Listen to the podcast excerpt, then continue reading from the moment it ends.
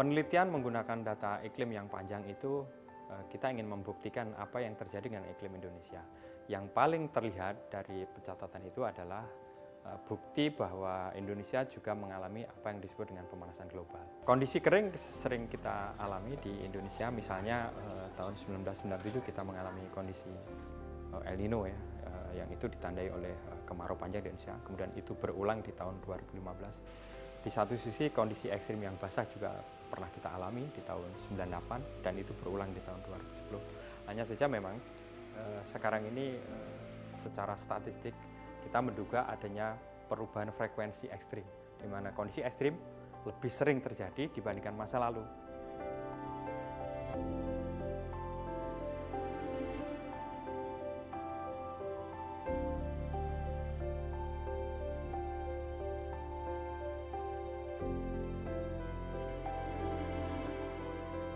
Kita tiba-tiba saja ya eh, terjadi siklon tropis yang menerjang daratan Indonesia terutama di eh, di NTT waktu itu yaitu siklon tropis Roja.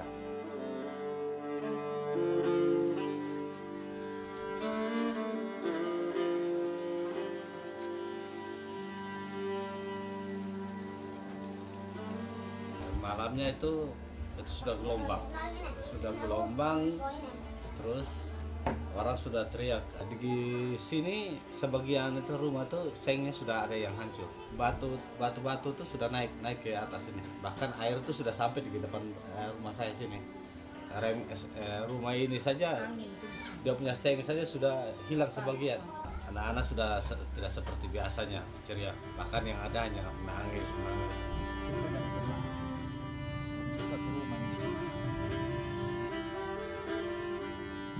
Atap memang terlepas semua. Ini kan goncangan pertama itu kan rumah atapnya terlepas semua termasuk plafon-plafon rubuh semua karena air sudah masuk. Anak-anak trauma. Kadang kan kita tengah malam kalau hujan itu kan biasa saja juga anak-anak tidak bisa tidur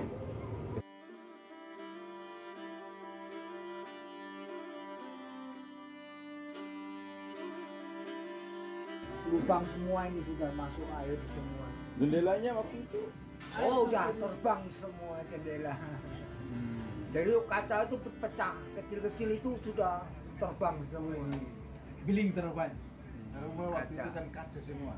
Jadi ang- anginnya itu betul-betul kayak anu, kayak sebuah benda begitu. Kalau di sana di luar itu terlihat kayak eh, korden, kain korden. Nah, yang di sininya itu nyebar. Yang di atas itu kelihatan hitam. Siklon Seroja menjadi badai yang dianggap luar biasa karena benar-benar menyapu daratan Indonesia. Bahkan mata badai siklon ini sempat melintasi daratan sehingga menyebabkan korban yang luar biasa. Dampaknya cukup masif dan siklon tropis Roja ini mewajah dalam beberapa bencana. Antara lain angin kencang, kemudian eh, banjir, banjir bandang dan tanah longsor juga eh, rob. Sehingga dampaknya cukup eh, luas di provinsi NTT ini.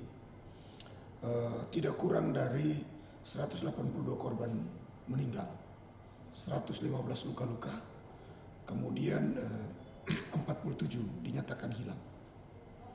Lalu kemudian dampak fisiknya antara ada 53.400-an rumah dinyatakan rusak. 3.500-an fasilitas umum rusak.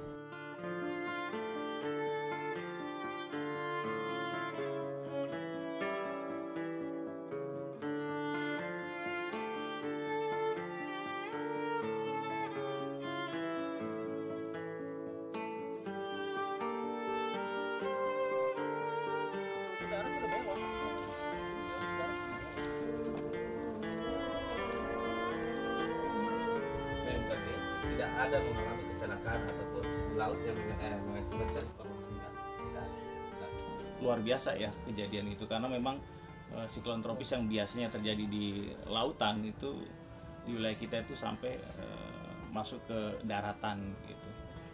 Dan itu efek merusaknya sangat terasa sekali. Dan ini sangat jarang jarang eh, malah mungkin di wilayah ekuator tuh bisa dibilang kecil sekali kemungkinan kalau terjadi begitu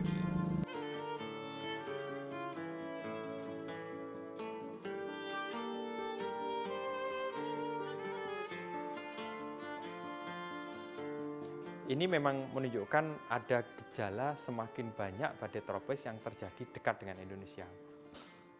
Dan eh, ada indikasi atau ada dugaan bahwa ini sebetulnya juga terkait dengan perubahan iklim karena eh, secara global eh, suhu per- permukaan itu meningkat sebesar 1,1 pada tahun 2021. Kalau kita merujuk kepada referensi yang sama, kira-kira di Indonesia itu juga meningkat sampai sebesar satu derajat. Indikasi dan dampak perubahan iklim telah dirasakan di wilayah Indonesia. Data dan sebabnya pun telah dipantau dan dicatat selama ini melalui sejumlah metode dan stasiun pemantauan.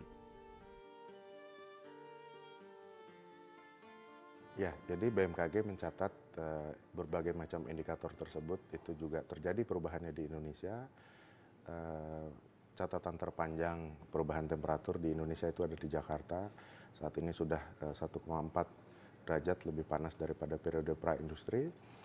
Eh, BMKG juga mencatat eh, tingginya eh, hujan-hujan ekstrim yang terjadi di Indonesia tidak hanya secara jumlah besaran magnitud atau BMKG biasa mengukur dalam milimeter, tetapi juga keseringannya atau frekuensi terjadinya hujan-hujan ekstrim ini semakin sering.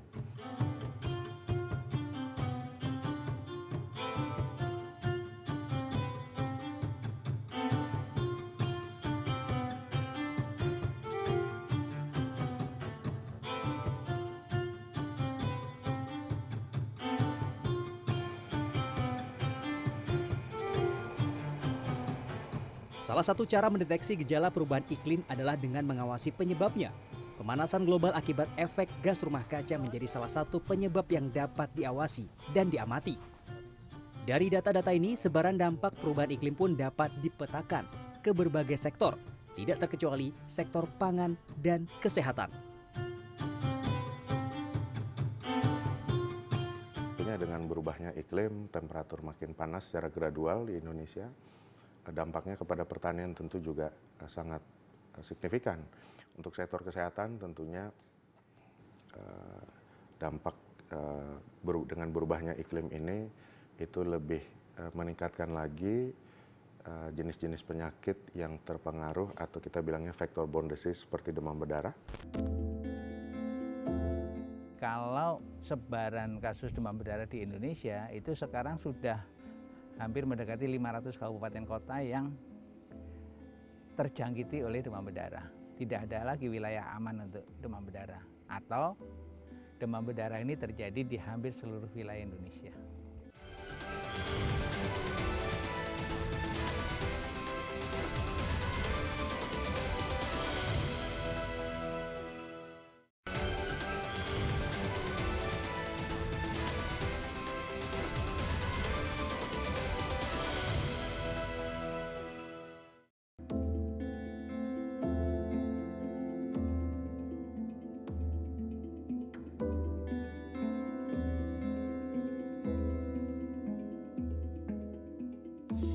Saya baru masuk menjadi eh, PPDS pada waktu saya spesialis anak itu kira-kira tahun 88 itu puncak sekali DBD ya. Pada waktu itu kita juga takut karena seperti saya bayangkan di RSCM itu susah mencari ICU juga susah. Nah, kemudian setelah saya masuk di Pasar Rebo, kira-kira mungkin tahun 9697 kali ya. Itu juga terjadi lonjakan ya, sampai kemudian kita kehabisan tempat perawatan juga ada di Selasar, di depan lift ya, pakai velvet ya.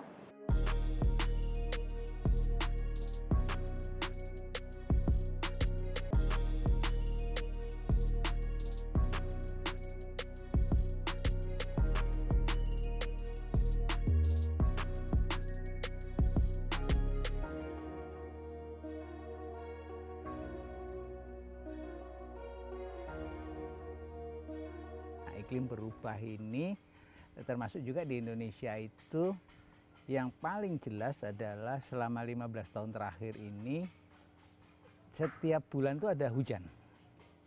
Meskipun sebagian akan kekeringan, tapi setiap bulan ada hujan dan banjir itu uh, frekuensinya tinggi. Nah, kaitannya kalau dengan penyakit tropis, katakanlah di sini contohnya adalah demam berdarah. Ya. Nah, jadi kalau setiap bulan ada hujan, maka setiap bulan juga itu tempat-tempat untuk bertelurnya nyamuk Aedes itu semakin lama semakin banyak.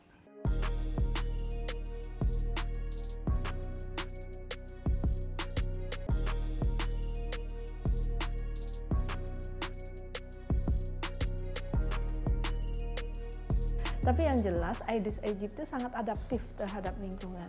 Jadi ketika dia tidak mendapatkan air yang sesungguhnya dia butuhkan untuk bertelur, berkembang biak dan sebagainya, ternyata yang ketemu misalnya kaleng bekas yang sudah kotor, ada cat air, bekas cat air juga, dia bisa di situ, dia bisa berkembang.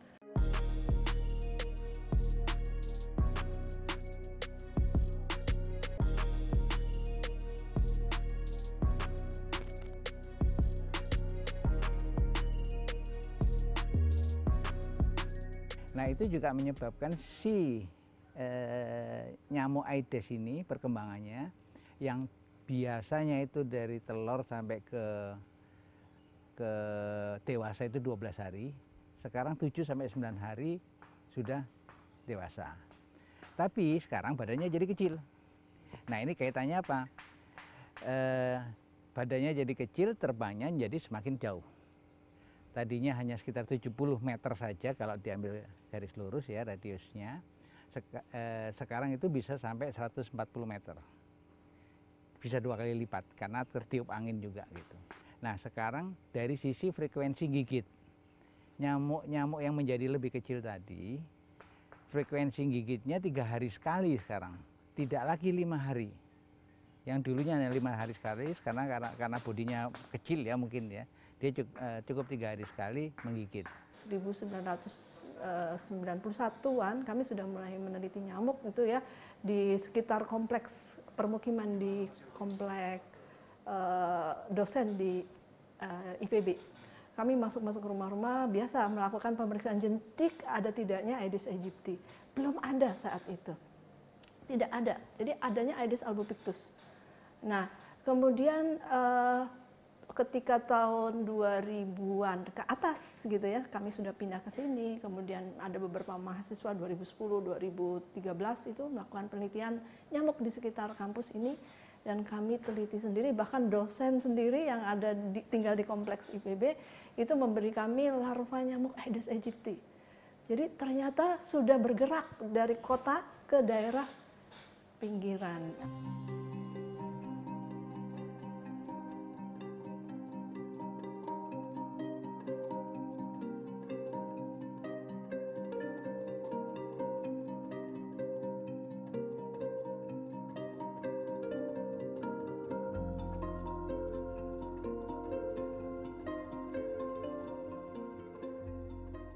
Jadi pertama uh, hujan, hujan sendiri ya, hujan sendiri itu sebenarnya dari tahun ke tahun itu jumlahnya itu sebenarnya berkurang sebenarnya. Tetapi intensitas kejadian hujan ekstrimnya itu meningkat dari tahun ke tahun. Begitu juga uh, temperatur, suhu udara dari tahun ke tahun itu meningkat. Jadi uh, meningkatnya 0, sampai 0,6 derajat dari tahun ke tahun. Karena memang lingkungan sudah berubah. Jadi memang itu uh, kayaknya di situ. Lingkungan berubah pasti suhu naik. Seperti contoh di puncak di Cisarua sana, tahun uh, eh, 2000 kalau kita ke sana itu uh, malam atau pagi itu kita harus pakai jaket tebal, Pak. Kalau sekarang kita buka baju aja di sana tuh masih terasa gerah. Bahkan di sana rumah-rumahnya udah pakai AC sekarang. Di Cisarua, dulu tuh nggak ada AC, Pak. Dan jangan lupa juga kita Semakin menghangatnya temperatur di sejumlah wilayah di Indonesia juga meningkatkan risiko sebaran dan outbreak kasus demam berdarah. Bahkan kini hampir seluruh kabupaten dan kota di Indonesia menjadi endemik nyamuk vektor demam berdarah. Kita temukan ada korelasinya memang curah hujan dengan uh, apa, peningkatan kasus demam berdarah, temperatur dengan peningkatan kasus demam berdarah. Nah, kalau sebaran kasus demam berdarah di Indonesia itu sekarang sudah hampir mendekati 500 kabupaten kota yang terjangkiti oleh demam berdarah. Kita hanya punya 540 kabupaten kota. Ya, jadi sudah hampir 4, 500 nih kabupaten kota yang terjangkiti. Artinya apa? Tidak ada lagi wilayah aman untuk demam berdarah atau demam berdarah ini terjadi di hampir seluruh wilayah Indonesia. Demam berdarah bukanlah satu-satunya penyakit yang dapat disebarkan oleh nyamuk. Serangga ini dijuluki sebagai binatang pembunuh nomor satu dunia, bahkan jauh sebelum daur hidupnya semakin pesat akibat dampak perubahan iklim.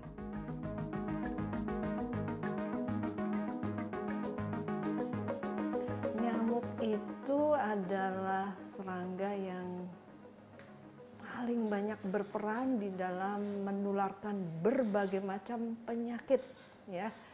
Salah satu penyakit yang nomor satu sekarang ini di dunia adalah penyakit malaria. Itu ditularkan oleh nyamuk. Nyamuknya meskipun berbeda ya. Jadi data itu ya, berdasarkan data WHO tahun 2010 yang mengatakan bahwa kematian yang ditimbulkan oleh malaria yang notabene ditularkan oleh nyamuk Anopheles itu sekitar 6.600 jiwa per tahun. Jadi kalau dibandingkan dengan hewan lain itu memang nyamuk dikatakan menjadi pembunuh nomor satu gitu. Jika meningkatnya ancaman penyakit yang ditularkan oleh nyamuk ini belum cukup membuat kita khawatir, pemanasan global akibat perubahan iklim juga meningkatkan risiko penyakit lain yang tidak bisa dianggap sepele.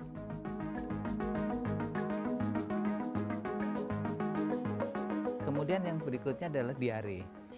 Ya, diare itu baik musim panas ataupun musim kering, artinya ketika banyak panas, ketika banyak banjir, kualitas air terganggu, kualitas air itu menjadi kurang uh, baik dan ini yang kemudian mencemari uh, makanan dan minuman.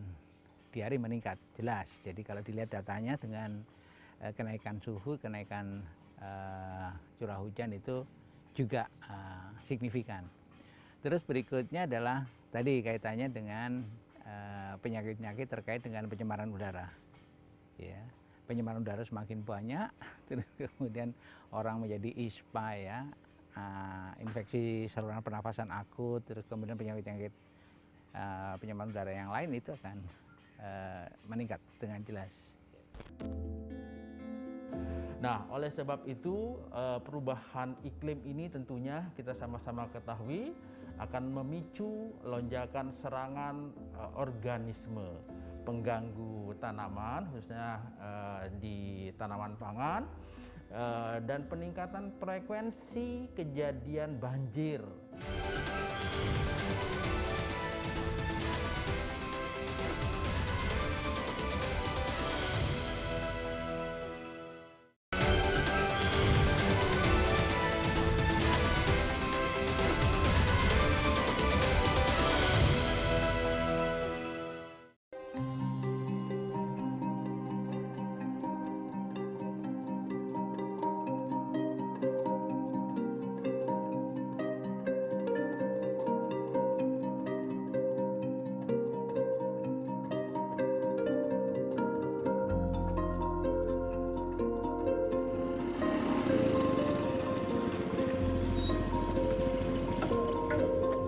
Sutopo adalah salah satu petani bawang merah asal Dusun Lemuk Legok, Desa Legok Sari, Kecamatan Tlogomulyo, Kabupaten Temanggung, Jawa Tengah.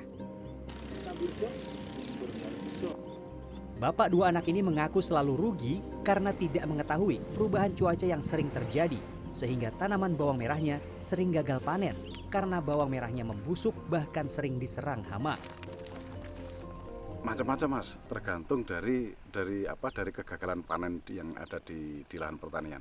Kalau gagal panennya 10 persen 20 persen atau 50 persen. Karena dampak dari busuk daun busuk akar kemudian tidak berumbi dan lain sebagainya. E, curah hujan ini kan berganti-ganti mas. Tiap tahun itu berbeda.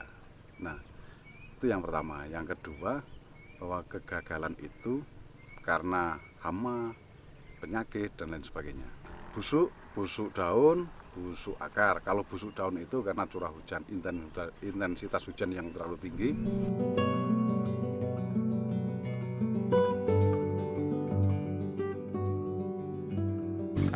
tanaman itu keserang penyakit yang namanya jamur lalu busuk semua akhirnya jadi gagal panen kalau misalkan gagal panen kena kena itu kena hujan yang terlalu banyak sekali hampir 90% itu bisa bisa merugi. Misalkan satu hektarnya itu habisnya kurang lebih 68 juta ya kisaran cuma masuk sekitar 15 lah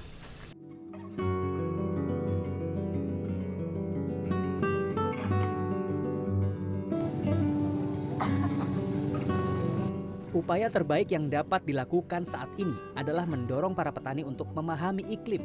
Inilah upaya adaptasi. Para petani memang tidak bisa mengubah keadaan iklim, tapi bisa menyesuaikan diri terhadap perubahan tersebut. BMKG sampai dengan hari ini uh, mengadakan kegiatan yang namanya Sekolah Lapang Iklim. Di sana diajarkan cara pengamatan sampai dengan uh, petani itu betul-betul paham unsur-unsur uh, cuaca yang diamati sampai dengan membaca iklim itu seperti apa. Nah, nantinya petani itu diharapkan bisa beradaptasi dengan apa yang terjadi uh, di wilayahnya masing-masing.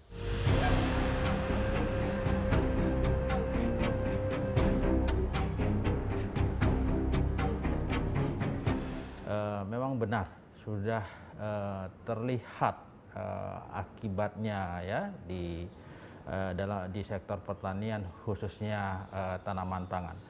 Nah, oleh sebab itu uh, perubahan iklim ini tentunya kita sama-sama ketahui akan memicu lonjakan serangan uh, organisme pengganggu tanaman khususnya uh, di tanaman pangan uh, dan peningkatan frekuensi kejadian banjir dan kekeringan di beberapa tempat.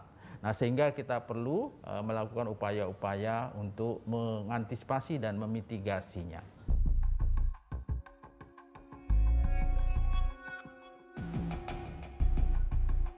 Tentunya uh, kita juga mengenal ada yang namanya uh, pertanian cerdas iklim.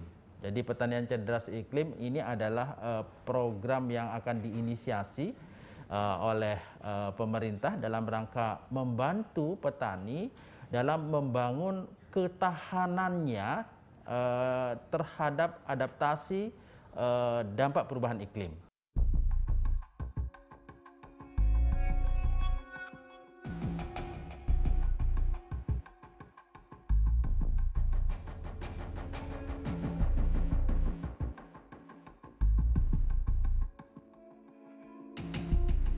Tentunya lebih banyak tentunya lebih banyak lagi bencana yang akan terjadi gitu. Uh, akselerasi siklus, siklus hidrologi akan semakin cepat. Uh, sekarang baru 1,1 saja kita sudah lihat uh, banyak terjadi gelombang panas. Dalam satu summer di Eropa bisa terjadi tiga kali gelombang panas dalam dua bulan. Itu sangat luar biasa gitu. Nah tentunya hal yang seperti itu akan lebih terjadi. Dan yang tidak kalah penting sebenarnya untuk yang jangka panjang yang perlu kita antisipasi adalah tentunya di Indonesia ini adalah uh, tiga isu utama yang terkait perubahan iklim. Gimana kita bisa mengelola air kita dengan baik, pangan kita dengan baik, dan yang ketiga adalah energi. Data yang dikumpulkan BMKG itu sebetulnya menjadi bukti bahwa iklim telah berubah. Nah, tapi data itu tidak bisa bunyi untuk untuk perubahan iklim kalau dia tidak panjang. Maka BMKG concern sekali untuk terus kontinu melakukan pengamatan data sehingga data-data ini bisa digunakan untuk memberikan bukti-bukti adanya perubahan iklim.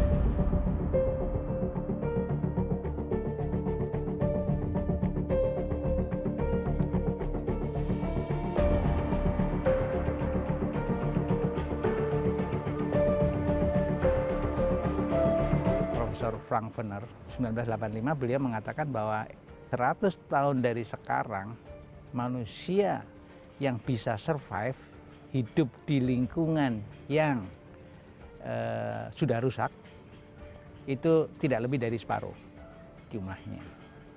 Ya. Artinya apa? Kalau dia 1995, eh, 1985 berarti kan 2085 nih. Ya, jadi 2085 akan uh, kerusakan-kerusakan lingkungan akan masif hanya separuh dari manusia yang ada di bumi ini uh, yang mampu survive. Sisanya musnah.